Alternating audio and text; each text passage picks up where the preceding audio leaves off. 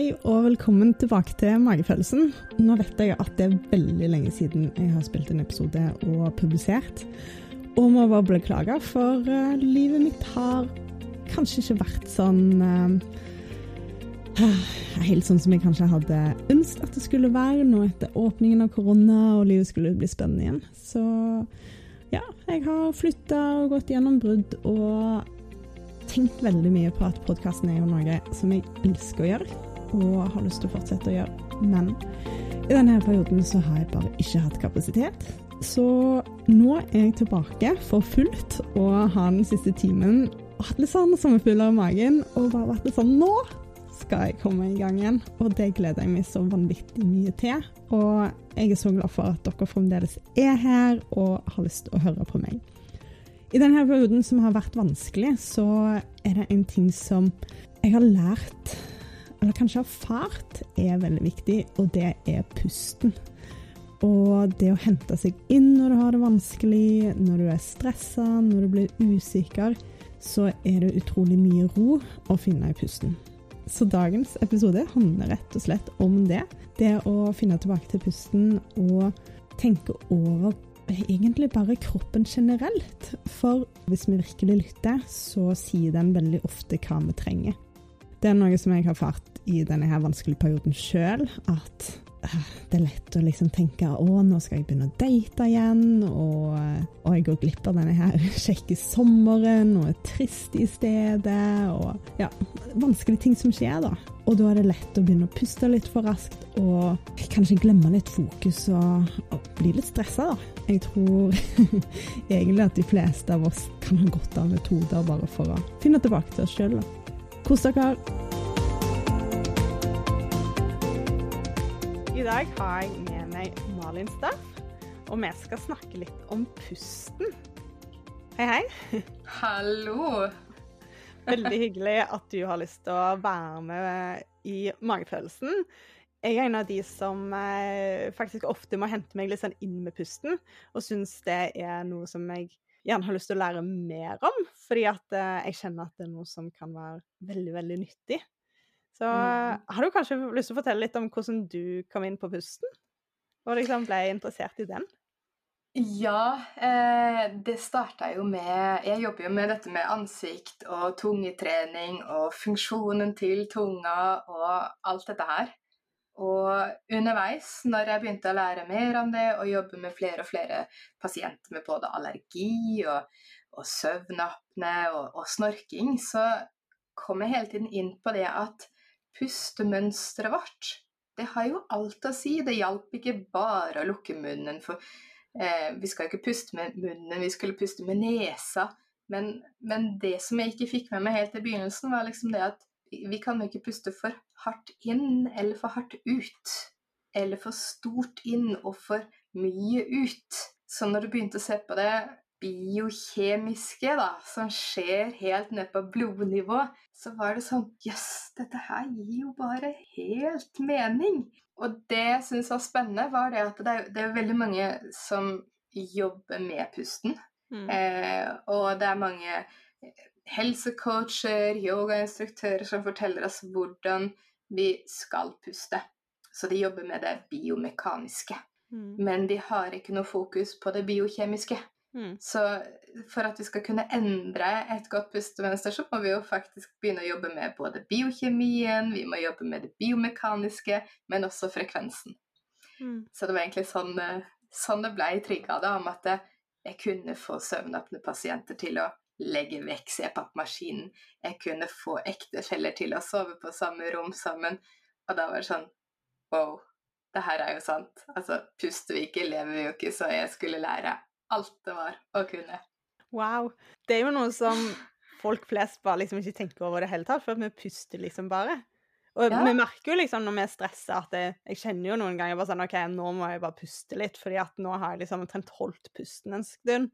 Liksom Hvis du er mm. lei deg og liksom gråter, så ofte er det bare sånn Shit, nå tror jeg jeg har holdt pusten en, et minutt. Og vi gjør mm. det så ubevisst. Ja, hvis du er i jobbmøter, sånn, så puster du raskt, og ja Du må liksom hente litt tilbake. Ja, det som skjer, eh, er jo egentlig det at vi har jo et, eh, en pustesentral i hjernen mm. som blir trigga av nivået vi har av karbondioksid. Mm. Så når vi gråter, så puster vi jo kjempemye ut hele tiden. Og vi puster jo ut karbondioksiden. Så da blir blodet lavt på karbondioksid, men da stopper vi å puste, for pustesentralen blir ikke slått på. Mm. Så før når den, eller nivået av karbondioksid har kommet seg opp igjen, så begynner vi å puste igjen. Mm. Og det samme når vi stresser. altså eh, Det kan være stress på jobben, det kan være angst, det kan være veldig mye forskjellig som gjør at pustefrekvensen øker. Mm. Og da, når den har økt, så må kroppen hente seg inn igjen, gjerne da med å holde pusten. Mm. Så, og det er jo det spennende med det biokjemiske her. Ja, ikke sant? Nei, det er utrolig kult. Jeg, jeg gleder meg til å lære mer. Så hvordan bruker du dette, og hva er kanskje det du er mest stolt over å ha utretta med arbeidet du har gjort? Er det noen liksom personer eller situasjoner som du bare du tenkte på sånn Oi, shit, dette her er liksom heftig, og så har du kommet ut på andre siden og klart å hjelpe, hjelpe noen, da? Jeg er stolt av alle. Altså, jeg har, klient, jeg har så flotte klienter at eh, jeg har sittet her oppløst i tårer over hva de har klart å utrette. Mm. Det har jo vært eh, alt fra personer som har blitt gitt opp av, eh, av Helse Norge da, pga. store ansiktssmerter, kjevesmerter osv. Og så kommer de til meg og, og får lagt tunga opp i ganen der hvor den hører hjemme, og så forsvinner smertene rett og slett fordi de lærer seg å bruke musklene korrekt. Mm. Eh, Det har vært 80-åringer som ikke har orka å bruke CPAP-maskin, som begynte å puste skikkelig. Vi har fått tunga opp i ganen, vi har fått ro og pustemønstre. Og selv legene der har jo eh, ikke visst hva de skal gjøre, fordi det har bare vært hosting, store søvnproblemer, og her om dagen så fikk jeg liksom en e-post, Malin. Jeg skal hilse fra søvnlegen og gratulere, men jeg er nå fri for søvnapné. Mm. Det, det er mange ting jeg er stolt av av mine klienter, som hvor langt dette her har kommet. Hvor, hvor bra resultater og hvor store livsendringer de har fått. da. Mm. Og rett og slett bare ved å lære seg å puste annerledes. Og du nevner å ha tunga oppi ganen, for jeg går på yoga, og da lærer du veldig å liksom ha tunga ned i munnen. Og det kjennes jo ofte veldig avslappende ut. Ja, Eh, Så ja. hvordan er det liksom eh, dette her funker i praksis? Eh, Er det sånn at vi må trene opp musklene, og liksom, så blir det komfortabelt etter hvert, eller? Ja, vi må nok trene opp muskelen på nytt. fordi at det, det som skjer hvis, hvis vi ikke bruker tunga korrekt, da, akkurat som en helt vanlig muskel altså lårene våre, så hvis ikke vi bruker lårene, så har vi problemer med å gå opp trappa, reise oss fra stolen, doen osv. Eh, og det samme skjer med tunga. så Hvis tunga blir liggende nede i munnen, Mm. så vil heller ikke kjevemuskelen vår eller den vil strekkes, så munnen faller gjerne ofte lengre fra hverandre. Over- og underkjeven får et lengre mellomrom enn det vi skal ha. Leppene svekkes fordi at munnen åpnes. Så Mm. er det jo faktisk dette her, og det er litt spennende, men det står jo til og med nevnt i Bibelen, buddhismen nevner det, eh, kinesisk tradisjonell medisin nevner det, qigong nevner det, om å ha tunga opp i ganen, fordi da åpnes de sier renn og du-mediterranene. Og da kommer Altså, da får chakraene i kroppen den flyten de skal ha. Så den gamle, originale yogaen, der har vi tunga opp i ganen. Men det er mange av Altså, vi har jo alle vår tolkning, og vi har jo dette som heter stramt tungebånd, som, som vil gi spenninger, spesielt under hake, kjeveområdet, spesielt hvis de da har fått en dysfunksjon. Og da føles det jo så klart veldig godt å slippe tunga ned. Men det betyr ikke nødvendigvis at det er korrekt. Men det kan fort bli en sånn egen tolkning, da, fordi man opplever dette her på kroppen. Mm. Men som jeg prøver å fortelle til veldig mange, da, så jeg kan ikke gå inn eh, på jobben din da, fortelle hvordan, hvordan jeg skal gjøre jobben din, fordi jeg har min egen tolkning av det. Mm. Så da skal man heller ikke gå inn og, og tolke hvordan funksjonen til, til tunga skal være, hvis man ikke har noe idé om hva tungas funksjon er. Altså, det er jo spennende. og Det er jo annerledes å ha tunga oppi ganen, og det er nok jeg ser for meg noe folk må jobbe litt med. At det er litt sånn bevisstgjøring og, og fokus. Så hvordan går du fram da? Nei, jeg har jo jeg har mange øvelser. Det, Ja. er det, det er jo det viktigste, å få styrka det, men også få inn bevisstheten om det. Eh, øve seg rett og slett på i dagligdagse situasjoner. Om du sitter og ser på Netflix, om det er telefonen eller jobb, så er det rett og slett øve seg opp til å ha tunga opp der. Presse den opp, kjenne på det, jobbe med muskulaturen. Men også dette med holdning. altså hvis vi sitter fremoverbøyd, så vil jo ikke holdninga være optimal, og det vil gå utover nakken. Så vi har jo Vi må se på kroppen som en helhet. Mm. Og hvis vi da ikke sitter optimalt, så vil jo ikke tungas funksjon være helt optimalt, for den vil jo dyttes litt sånn mer fremover enn hvis vi sitter rett opp og ned. I dag så la jeg på med en eldre dame, og hun har jo gått fra å ha også søvnapne, men hun hadde sånn apneskinne, sånn drar under kjeven fremover, til å sove hele natta uten problemer. Hun snorker ikke. Hun har fått en kondisjon som er bedre enn mange 20-åringer jeg har vært borti. Altså, alt dette her når vi bare begynte å endre på pusten. Men så sa hun det at Malin, jeg hadde aldri trodd at jeg skulle like å ha tunga opp i ganen. Men det jeg opplevde, er at jeg føler meg veldig mye mer euforisk. Hm. Så hun ble gladere av det, og vi har jo nervesystemet, altså nervus vagus. Så når vi får tunga opp på plass, så er det akkurat som man finner hjem. Men vi begynner å puste roligere. Og når vi begynner å puste roligere, så kommer det parasympatiske nervesystemet. Altså, det slår seg på. Så vi Mm. slipper å være den derre fight and flight som vi mange kjenner på gjennom dagen. Altså, det trenger ikke nødvendigvis å være en sånn superstressende situasjon, men man kan føle litt sånn ah, det er et eller annet. Så hvis man da setter seg ned, tar en pause, lukker munnen, roer ned pusten, så øker kroppstemperaturen, spyttproduksjonen øker, vi kommer inn i den rest and digest, vi klarer å tenke klarere, rett og slett fordi at vi får en boost av karbondioksid. Det er jo helt utrolig at eh, pusten skal ha så mye å si. Ja, men det er jo, altså, hva skjer hvis vi ikke puster? Nei, det er jo helt fantastisk hvordan ja, pusten og kroppen eh, har så mye å si, og så bare er vi så ubevisste og Ja, det er veldig deilig når du klarer liksom å ta tilbake kontrollen litt. Ja. Mm. Ja, men det er jo altså livet, livet nå er så innmari stressende. Det er så mye som skal skje hele tiden. Vi må være på hele tiden. Vi får ikke lenger slappe av på samme måten, så vi, vi henter oss ikke lenger inn som vi gjorde før, da. Mm. Eh, det er jo med en gang vi setter oss ned nå, så er det veldig fort gjort å ta opp telefonen. Så altså, bare det med å ta opp telefonen, så får vi den dårlige holdninga. Vi har begynt å synke mer sammen i stolen, som gjør at, at holdninga ikke eh, blir så optimal. Da. Dermed blir det mindre plass til lungene. Altså, vi begynner å puste med brystet med en gang vi får denne C-kurven på ryggen. Mm. Og når vi begynner å jobbe med brystet, så er det jo masse av ryggmusklene, nakkemusklene, som begynner å ta over jobben, som egentlig diafragmaen skal gjøre. Mm. Og da får vi jo hodepine, vi kan få nakkesmerter, dårlig holdning, som også fører til dårligere kjernemuskulatur, og, og vi sitter jo så mye i løpet av dagen. Så det er, det er, det er helheten som man kan jeg- det, altså det er så sjelden jeg bare jobber med én og én ting. Og selv om jeg liksom har dette orofasiale komplekset, altså ansiktet, pusten og tunga som, som hovedtema, da, så er det jo ofte holdninga jeg må jobbe med. Jeg må jobbe med vanene, på hvordan vi sitter, men også noen ganger hvordan man prater.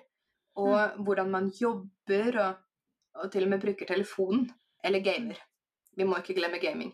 For det er jo Jeg får mange, mange spørsmål fra gutter også på hvordan de eh, ønsker å, å få et litt mer mandig utseende, fordi de føler kanskje at kjevemusklene deres ikke er optimale, eller de ønsker å ikke snorke så høyt pga. kjæresten, det er noen som syns det er litt småflaut. Mm. Eh, og da er det jo sånne små ting vi må ta tak i. Rett og slett eh, hvordan man Mm. gamer eller sitter på Netflix. Ja, men altså, det er jo det vi gjør store deler av dagen. Altså, som eh, Det er så lett å falle litt sånn fram og eh, ja, henge med hodet når jeg blir sånn engasjert eller et eller annet. Jeg har dårlig holdning rett og slett når jeg jobber, da. Og det å bare rette meg litt sånn opp med skuldrene og, og sørge for at nakken min er rak, da. og at jeg ikke får sånn bøy. Og under korona så har jeg lest at det er utrolig mange som har fått eh, prolaps i nakken og ryggen fordi at det er så mange som sitter ugunstig, da. Mm. Ja, henger med hodet. Og det er dessverre kanskje mer normalen. Det er i hvert fall blitt det. Vi har jo, hva er det de kaller det, mobilnakke. Det Rett og slett fordi vi begynner å kikke mer og mer nedover. Altså, jeg har til og med sett unger som sparkesykler mens de kikker på telefonen.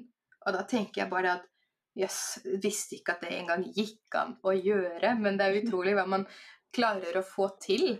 Men også dette her med hjemmekontor og tilrettelegging av god arbeidsplass. Altså, mm. jeg syns jo arbeidsplassen også kan ta ganske mye mer ansvar overfor sine ansatte på hvordan hverdagen blir tilrettelagt på ordentlig utstyr. Mm. Altså, det er jo mange lærere som har problemer med nakken fordi de får en laptop. Mm. Og så må du sitte på den bitte lille laptopen. Og, altså, når du har en laptop, så er den jo liten. Man vil gå lenger fram, man vil bøye seg framover istedenfor at mm. man kunne fått en litt større skjerm som man kunne heva. Mm. Eh, og ikke nødvendigvis sitte på en, en, dårlig kontorstol som snurrer litt rundt, men at man faktisk begynner å aktivere mer av kjernemuskulaturen når man sitter. Mm. Jeg vil jo si at mye av det viktigste her er egentlig å jobbe med barna, altså. Ja. Eh, få barna til å faktisk sitte skikkelig. Og ikke mm. henge ved middagsbordet eller henge hele tiden, men faktisk sitte rett opp og ned. Lære mm. seg å sitte skikkelig på en stol. Få det inn når du er ung, sånn at du slipper å lære det i voksen alder. ja, men også slippe plagene som medfølger oss voksne ja. opp, i, opp, i, alder. Altså, jeg, jeg, husker jo mamma sa det at Malin, hvis ikke du retter deg opp nå, så kommer du til å se ut som riggeren av Notre-Dame. Og jeg var ti eller elleve år når hun sa det, og jeg det var jo ikke veldig gøy å høre. Mm. Men man kan jo ikke bare få en sånn kommentar. Man må gjøre noe med det. Så når man ser at det er et problem, så må man jo faktisk hjelpe barnet, da. Styrke opp muskulaturen, jobbe med det som skal jobbes med, da. Istedenfor å bare slenge ut en sånn kommentar. Jeg tror, jeg tror ikke jeg bærer så mye traumer av kommentaren, men det har jo satt seg. Men hadde jeg lært å sitte skikkelig når jeg var liten, så hadde jeg heller kanskje ikke hatt veldig store nakkesmerter som jeg hadde i veldig mange år, hver dag. Da hadde jeg kanskje sluppet det. Jeg hadde kanskje sluppet å måtte jobbe ekstra mye med holdninga. Og jeg har jobba med personlig trening i mange år, men holdninga mi var jo like dårlig. Mm. Fordi jeg lærte aldri hvordan jeg skulle sitte. Mm. Jeg kunne jo ta 100 pushup uten problemer, men å sitte rett opp og ned på en stol Jeg måtte begynne å jobbe med pusten for å faktisk klare det. Jeg har drevet en del med sykkeltrening, og da har jeg veldig ofte fått vondt i hodet når jeg har gjort øvelser over hodet og liksom tatt armene opp. Og så har jeg vært litt sånn Hvorfor skjer det? Og det er fordi at jeg har hatt en sånn bøy i nakken. Altså, Da kan du ende opp med å skade deg eh, over tid òg. altså, det er jo mye forskning som sier liksom sånn Å, det er ikke nødvendigvis at de som har trent hele livet, er liksom bedre rusta når de blir gamle, fordi at eh, de har brutt ned kroppen. Men det handler jo om at du trener feil. Mm. Det at mm. du ender opp med å ja, gjøre sånn som jeg, da. Har, sånn, har feil vinkel i nakken og ikke har fått noe tilbakemelding, og så ender jeg opp med å da kanskje legge muskler og, og ledd i press. ja. ja, men altså, man bruker jo muskulaturen feil, man kompenserer. Så når det er ting som er tungt over hodet, så har man også en tendens til å skyve nakken og hodet enda lenger framover for å prøve å presse det opp. Mm. Så det vil jo gi enda mer press på nakken. Mm. Så, så, bare det å kunne lære seg å få nakken rett opp, det er det, det, er det jo mange som har problemer med. Mm. Vi skal jo innrømme at jeg har måttet liksom virkelig være bevisst for å få det til. Og jeg, altså, hvis du ser hvordan jeg sitter nå, så sitter jeg ikke optimalt. Men jeg sitter inne på soverommet i senga, faktisk, fordi at det var ja, motorsykkelsesongen har starta. Og det, ja, de brummer. Det er ikke helt mm. ideelt for, for podkastinnspilling. Nei, ikke sant. Hvor lang slash kort pust anbefaler du i ulike situasjoner i hverdagen? Optimalt sett så skal man jo ligge på altså, forskning sier optimalt eh, på det perfekte skal jo være en ca. 5,5 pust per minutt. Ellers er det greit å ligge på en 8-12 pust per minutt i, i lett aktivitet.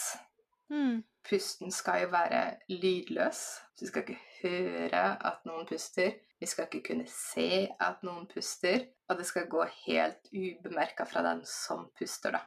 Hvordan får du til det du, hvis du er i aktivitet, eller ja? Nei, det er jo det å bygge opp, eh, bygge opp karbondioksidtoleransen. Fordi det mm. er jo dette med aktivitet altså Vi har jo alle kjent på det hvis vi skal ut og jogge, da. Så mm. føler vi jo at vi ikke får nok oksygen.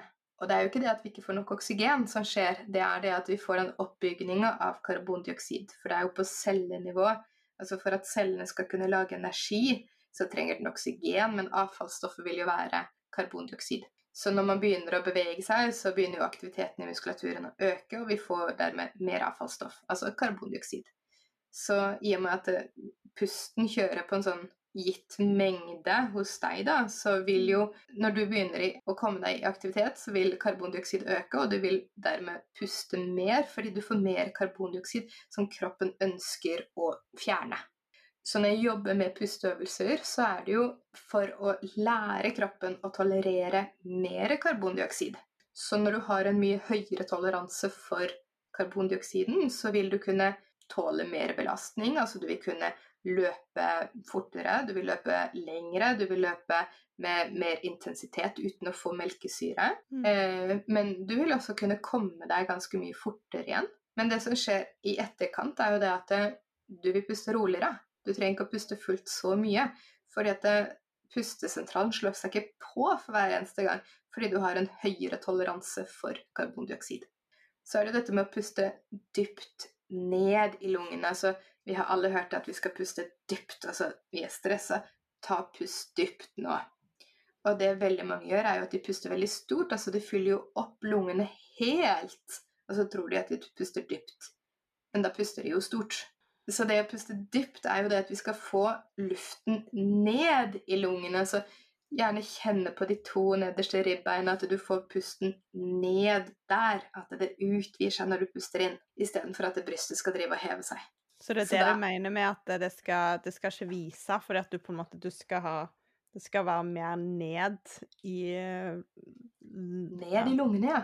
Mm. Ja, ikke opp i brystet. Mm. Så hver gang vi ser noen puste stort, altså nå skal jeg puste stort nå blåser jeg meg helt opp. ikke sant? Lungene mm. mine er blitt som en ballong, og så puster jeg alt ut. Og da, altså Per kjemi, blodkjemi nå, så, så bare kjører jeg alt ut av spill.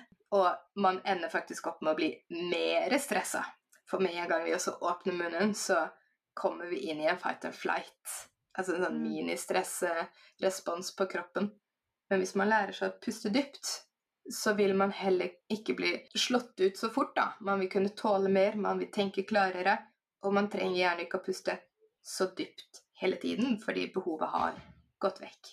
Så hvordan øver folk seg eh, på dette her? Da Vi jobber mye med holdning. Sette seg mm. opp. Eh, men også bare det å putte to fingre på hver sin side av de to nederste ribbeina og mm. sitte rett opp og ned. Ryggraden må være rett. Vi må gi lungen den plassen den fortjener. Og hvis du da bare kjenner på siden da når du puster inn, så skal du jobbe med å få ribbeina til å utvide seg hver gang du puster inn. Når du puster ut, så skal vi få ribbeina til å gå innover. Men vi må også lære å bruke magen. At magen også, hver gang du puster inn, så skal magen gå ut. Og hver gang du puster inn, nei, ut, så skal magen gå innover. Så det er jo det å jobbe med å få det biomekaniske på plass. Så vi må få det biomekaniske på plass, også for å få det biokjemiske på plass. Og når du har fått det biokjemiske på plass, er det også lettere å få det biomekaniske på plass. Så man jobber jo hele tiden jeg vil nesten si på et litt sånn tredimensjonalt plan, da, for vi jobber med frekvensen, det biokjemiske og, og det biomekaniske. Så det er jo å jobbe, jobbe, med disse forskjellige tingene. Jeg merker jo bare sånn mens vi har prata, så har jeg liksom bevisstgjort en del av de tingene du anbefaler. Og jeg kjenner jo mm. at det roer ned kroppen. Mm -hmm. Mm. Ja, så det, det, kjennes jo veldig deilig ut. Mm. Ja, og tenk å gå sånn hele tiden. Altså mm. Og ikke føle seg så stressa rett og slett fordi at man, man har en helt annen ro i kroppen. Mm. Det er ganske deilig. Ja, det er jo det. det er mitt mål å en dag bare liksom være sånn Jeg pleide å være en superchill person, og så kjenner jeg mm. liksom med voksenlivet så, og ansvar, så er det litt vanskeligere. Ja. ja, det er jo ja, 2021 eller 2020, det har jo vært høyt tempo. Vi skal utrette mest mulig på kortest mulig tid. Vi skal bli mest mulig suksessfulle, vi skal tjene mest mulig. Vi, ha, eh, vi må ha et hus, ikke sant. Hus nå mm. til dags er jo mye dyrere nå enn det det var før. Men hvis man går tilbake litt i tid, så hadde vi heller ikke den overfloden. Vi brukte ikke så mye penger. Så, så stressnivået er jo et helt annet nå enn det, enn det, det var før. Så vi må lære oss å avslappe. Eller slappe mm. av, da. Mm. Hm? Det er jo her all den mindfulness-kulturen kommer inn, da. Så det er jo rett og slett for å få oss til å, til å slappe av. Men, men, det hadde jo vært mye bedre om vi kunne lære oss dette her i hverdagen. Altså om det heter å ta fem minutter en gang i timen, ikke sant. Bare for å mm. roe ned. Den e-posten som du må sende, den vil jo være der om fem minutter, men kanskje hjernen din har begynt å tenke klarere, sånn at mm. du kan en, få et bedre svar, eh, mm. bedre løsning, men også kanskje en hyggeligere tone hvis man var litt stressa. Mm. Så ja, det kjenner jeg jo med hjemmekontor, at jeg er ikke så vant til å ta de samme type pausene som når du er på kontoret. Så, sånn, så går du på do, og så møter du noen i gangen, og så slår du av en prat eller går til kaffemaskinen. Men det er veldig sånn produktivitet hele dagen. Du må liksom gå inn for å ta seg de pausene på en litt annen måte. Ja, det, det merkes jo veldig fort. Og da mm. Jeg anbefaler jo veldig fort å ha på en alarm. Rett og slett om det er en gang i timen. Noen trenger oftere, noen trenger litt sjeldnere. Det kommer litt an på type jobb man har, og om man sitter i møte. Lag det til en vane om at OK, om, om jeg bare tar ett minutt med dype åndedrag, rolige åndedrag, fem pust per minutt, så er det mye lettere å hente seg inn igjen. Når kvelden kommer, så er det mye bedre at man kanskje til og med en halvtime før slår av Netflixen, legger vekk telefonen, er til stede, roer ned, så er det mye bedre det, fordi at kroppen vil takke deg vanvittig mye når du blir eldre. Og det som er gøy å se, er jo disse, de dyrene som virkelig blir gamle. Altså, mm. det er snakk om disse dyrene som, som blir eldgamle. Men vi ser det at disse dyrene har jo en enorm høy toleranse for karbondioksid, og de puster utrolig sjeldent. Hm. Og når man puster fort, så ser man også at pulsen går opp, så da får man en mye raskere puls. Hjertet slår fortere. Og vi vet jo alle hva et hjerte som slår fort, vil gjøre i det lange løp. Det vil jo også slite ut hjertet. Så lav puls vil også være betydelig mye bedre helse. Og for det så må man puste mer effektivt, men mye roligere. Veldig viktig og veldig fint. Og så enkelt, egentlig, da. Mm. Altså, så bra for så mange ting. ja, veldig. Altså, det, igjen, hvis ikke vi puster, da eksisterer vi jo ikke. Altså, pust, pusten er livet. Det, det, er det vi mm. har. Mm. I, det er mange som fokuserer på mat. At maten trenger vi, og maten må være bra. Og, og jeg er jo helt enig, jeg er enormt opptatt av ordentlige næringsstoffer, av skikkelige vitaminer, mineraler. Men vi kan være så sunne vi bare orker, men hvis vi puster feil, mm. hvis vi puster for mye, så mm. vil ikke cellene få oksygen. Hvis ikke cellene får oksygen, så vil vi ikke kunne produsere noe energi. Og det vil mm. gå utover oss mennesker. Så vi mm. har jo, sammen med dette enorme tempoet vi lever i, mye stress, dårlig pust, så har vi jo mange som sliter med utmattelse. Og det ser vi ofte at de blir bedre med en gang de får mer karbondioksid i blodet, og dermed økt oksygenopptak. Spennende. Jeg er jo veldig opptatt av eh, kosthold, men så har jeg hørt at det beste er jo selvfølgelig å både klare å, å ikke stresse og spise sunt. Mm. Men eh, det er ett fett omtrent om du lever liksom et rolig liv og spiser usunt, eller om du spiser sunt og stresser. Mm. Så det sier jo veldig mye om eh, hvor viktig det er, da. Ja, men det er jo altså med en gang vi begynner å puste ut av munnen eller puste for fort, så snakker vi om dette biokjemiske som foregår, ikke sant? Mm. Og med en gang vi får en endra pH i blodet pga. munnpusting, overpusting, lett hyperventilering, så begynner kroppen å skille ut masse magnesium, kalium, kalsium, bikarbonat og natrium for å bøfre blodet. Og alle, eller mange vet hvor viktig bare magnesium er for kroppen, for cellene, for enzymaktiviteten. Så igjen, altså pusten, pusten er viktig, rett og slett jo, igjen, jeg vil faktisk gå så langt å si at uh, pusten er viktigere enn veldig mye mat, faktisk. Mm. For vi har en enorm utrensningsprosess som foregår i lungene. Så hvis ikke vi puster bra, så får vi ikke rensa ut det vi ikke skal ha i kroppen, da. Så spis, spis sunt, men pust bedre. ikke sant. og, og, så tror jeg at folk flest eh, syns at begge deler er vanskelig. Og spesielt altså med Det er jo noe som vi nesten har glemt litt. Sånn med, med, ja, med de livene vi lever, så er det veldig lett å ikke puste optimalt. Jeg vil ikke stort sett ikke merke til pusten før det er noe gærent med den. Og det første den får uh, Altså, det, da har det gått for langt. Mm. Da har man uh, kanskje fått allergiene, man har kanskje fått astma, man har kanskje fått den høye pulsen, høyt stressnivå. Mange, mange vil jo få en Den følelsen av å ikke få nok oksygen, den er jo ganske heftig. Og for mange så vil det også utløse, utløse angst eller panikk.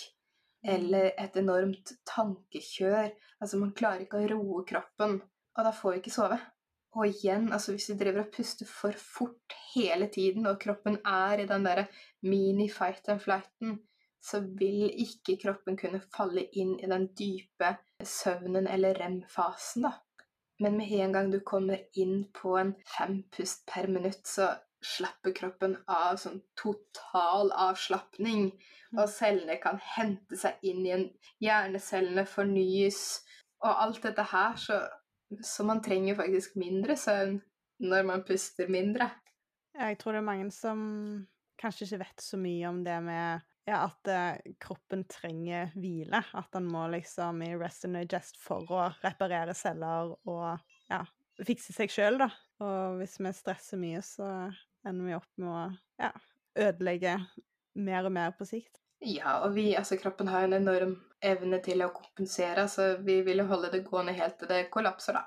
Og det er jo akkurat det som er litt, litt feil. Altså, det er først da vi blir sjuke, og det er først mm. da vi må ta tak i egen helse. For vi holder det gående, holder det gående og kjører oss rett og slett på tomgir.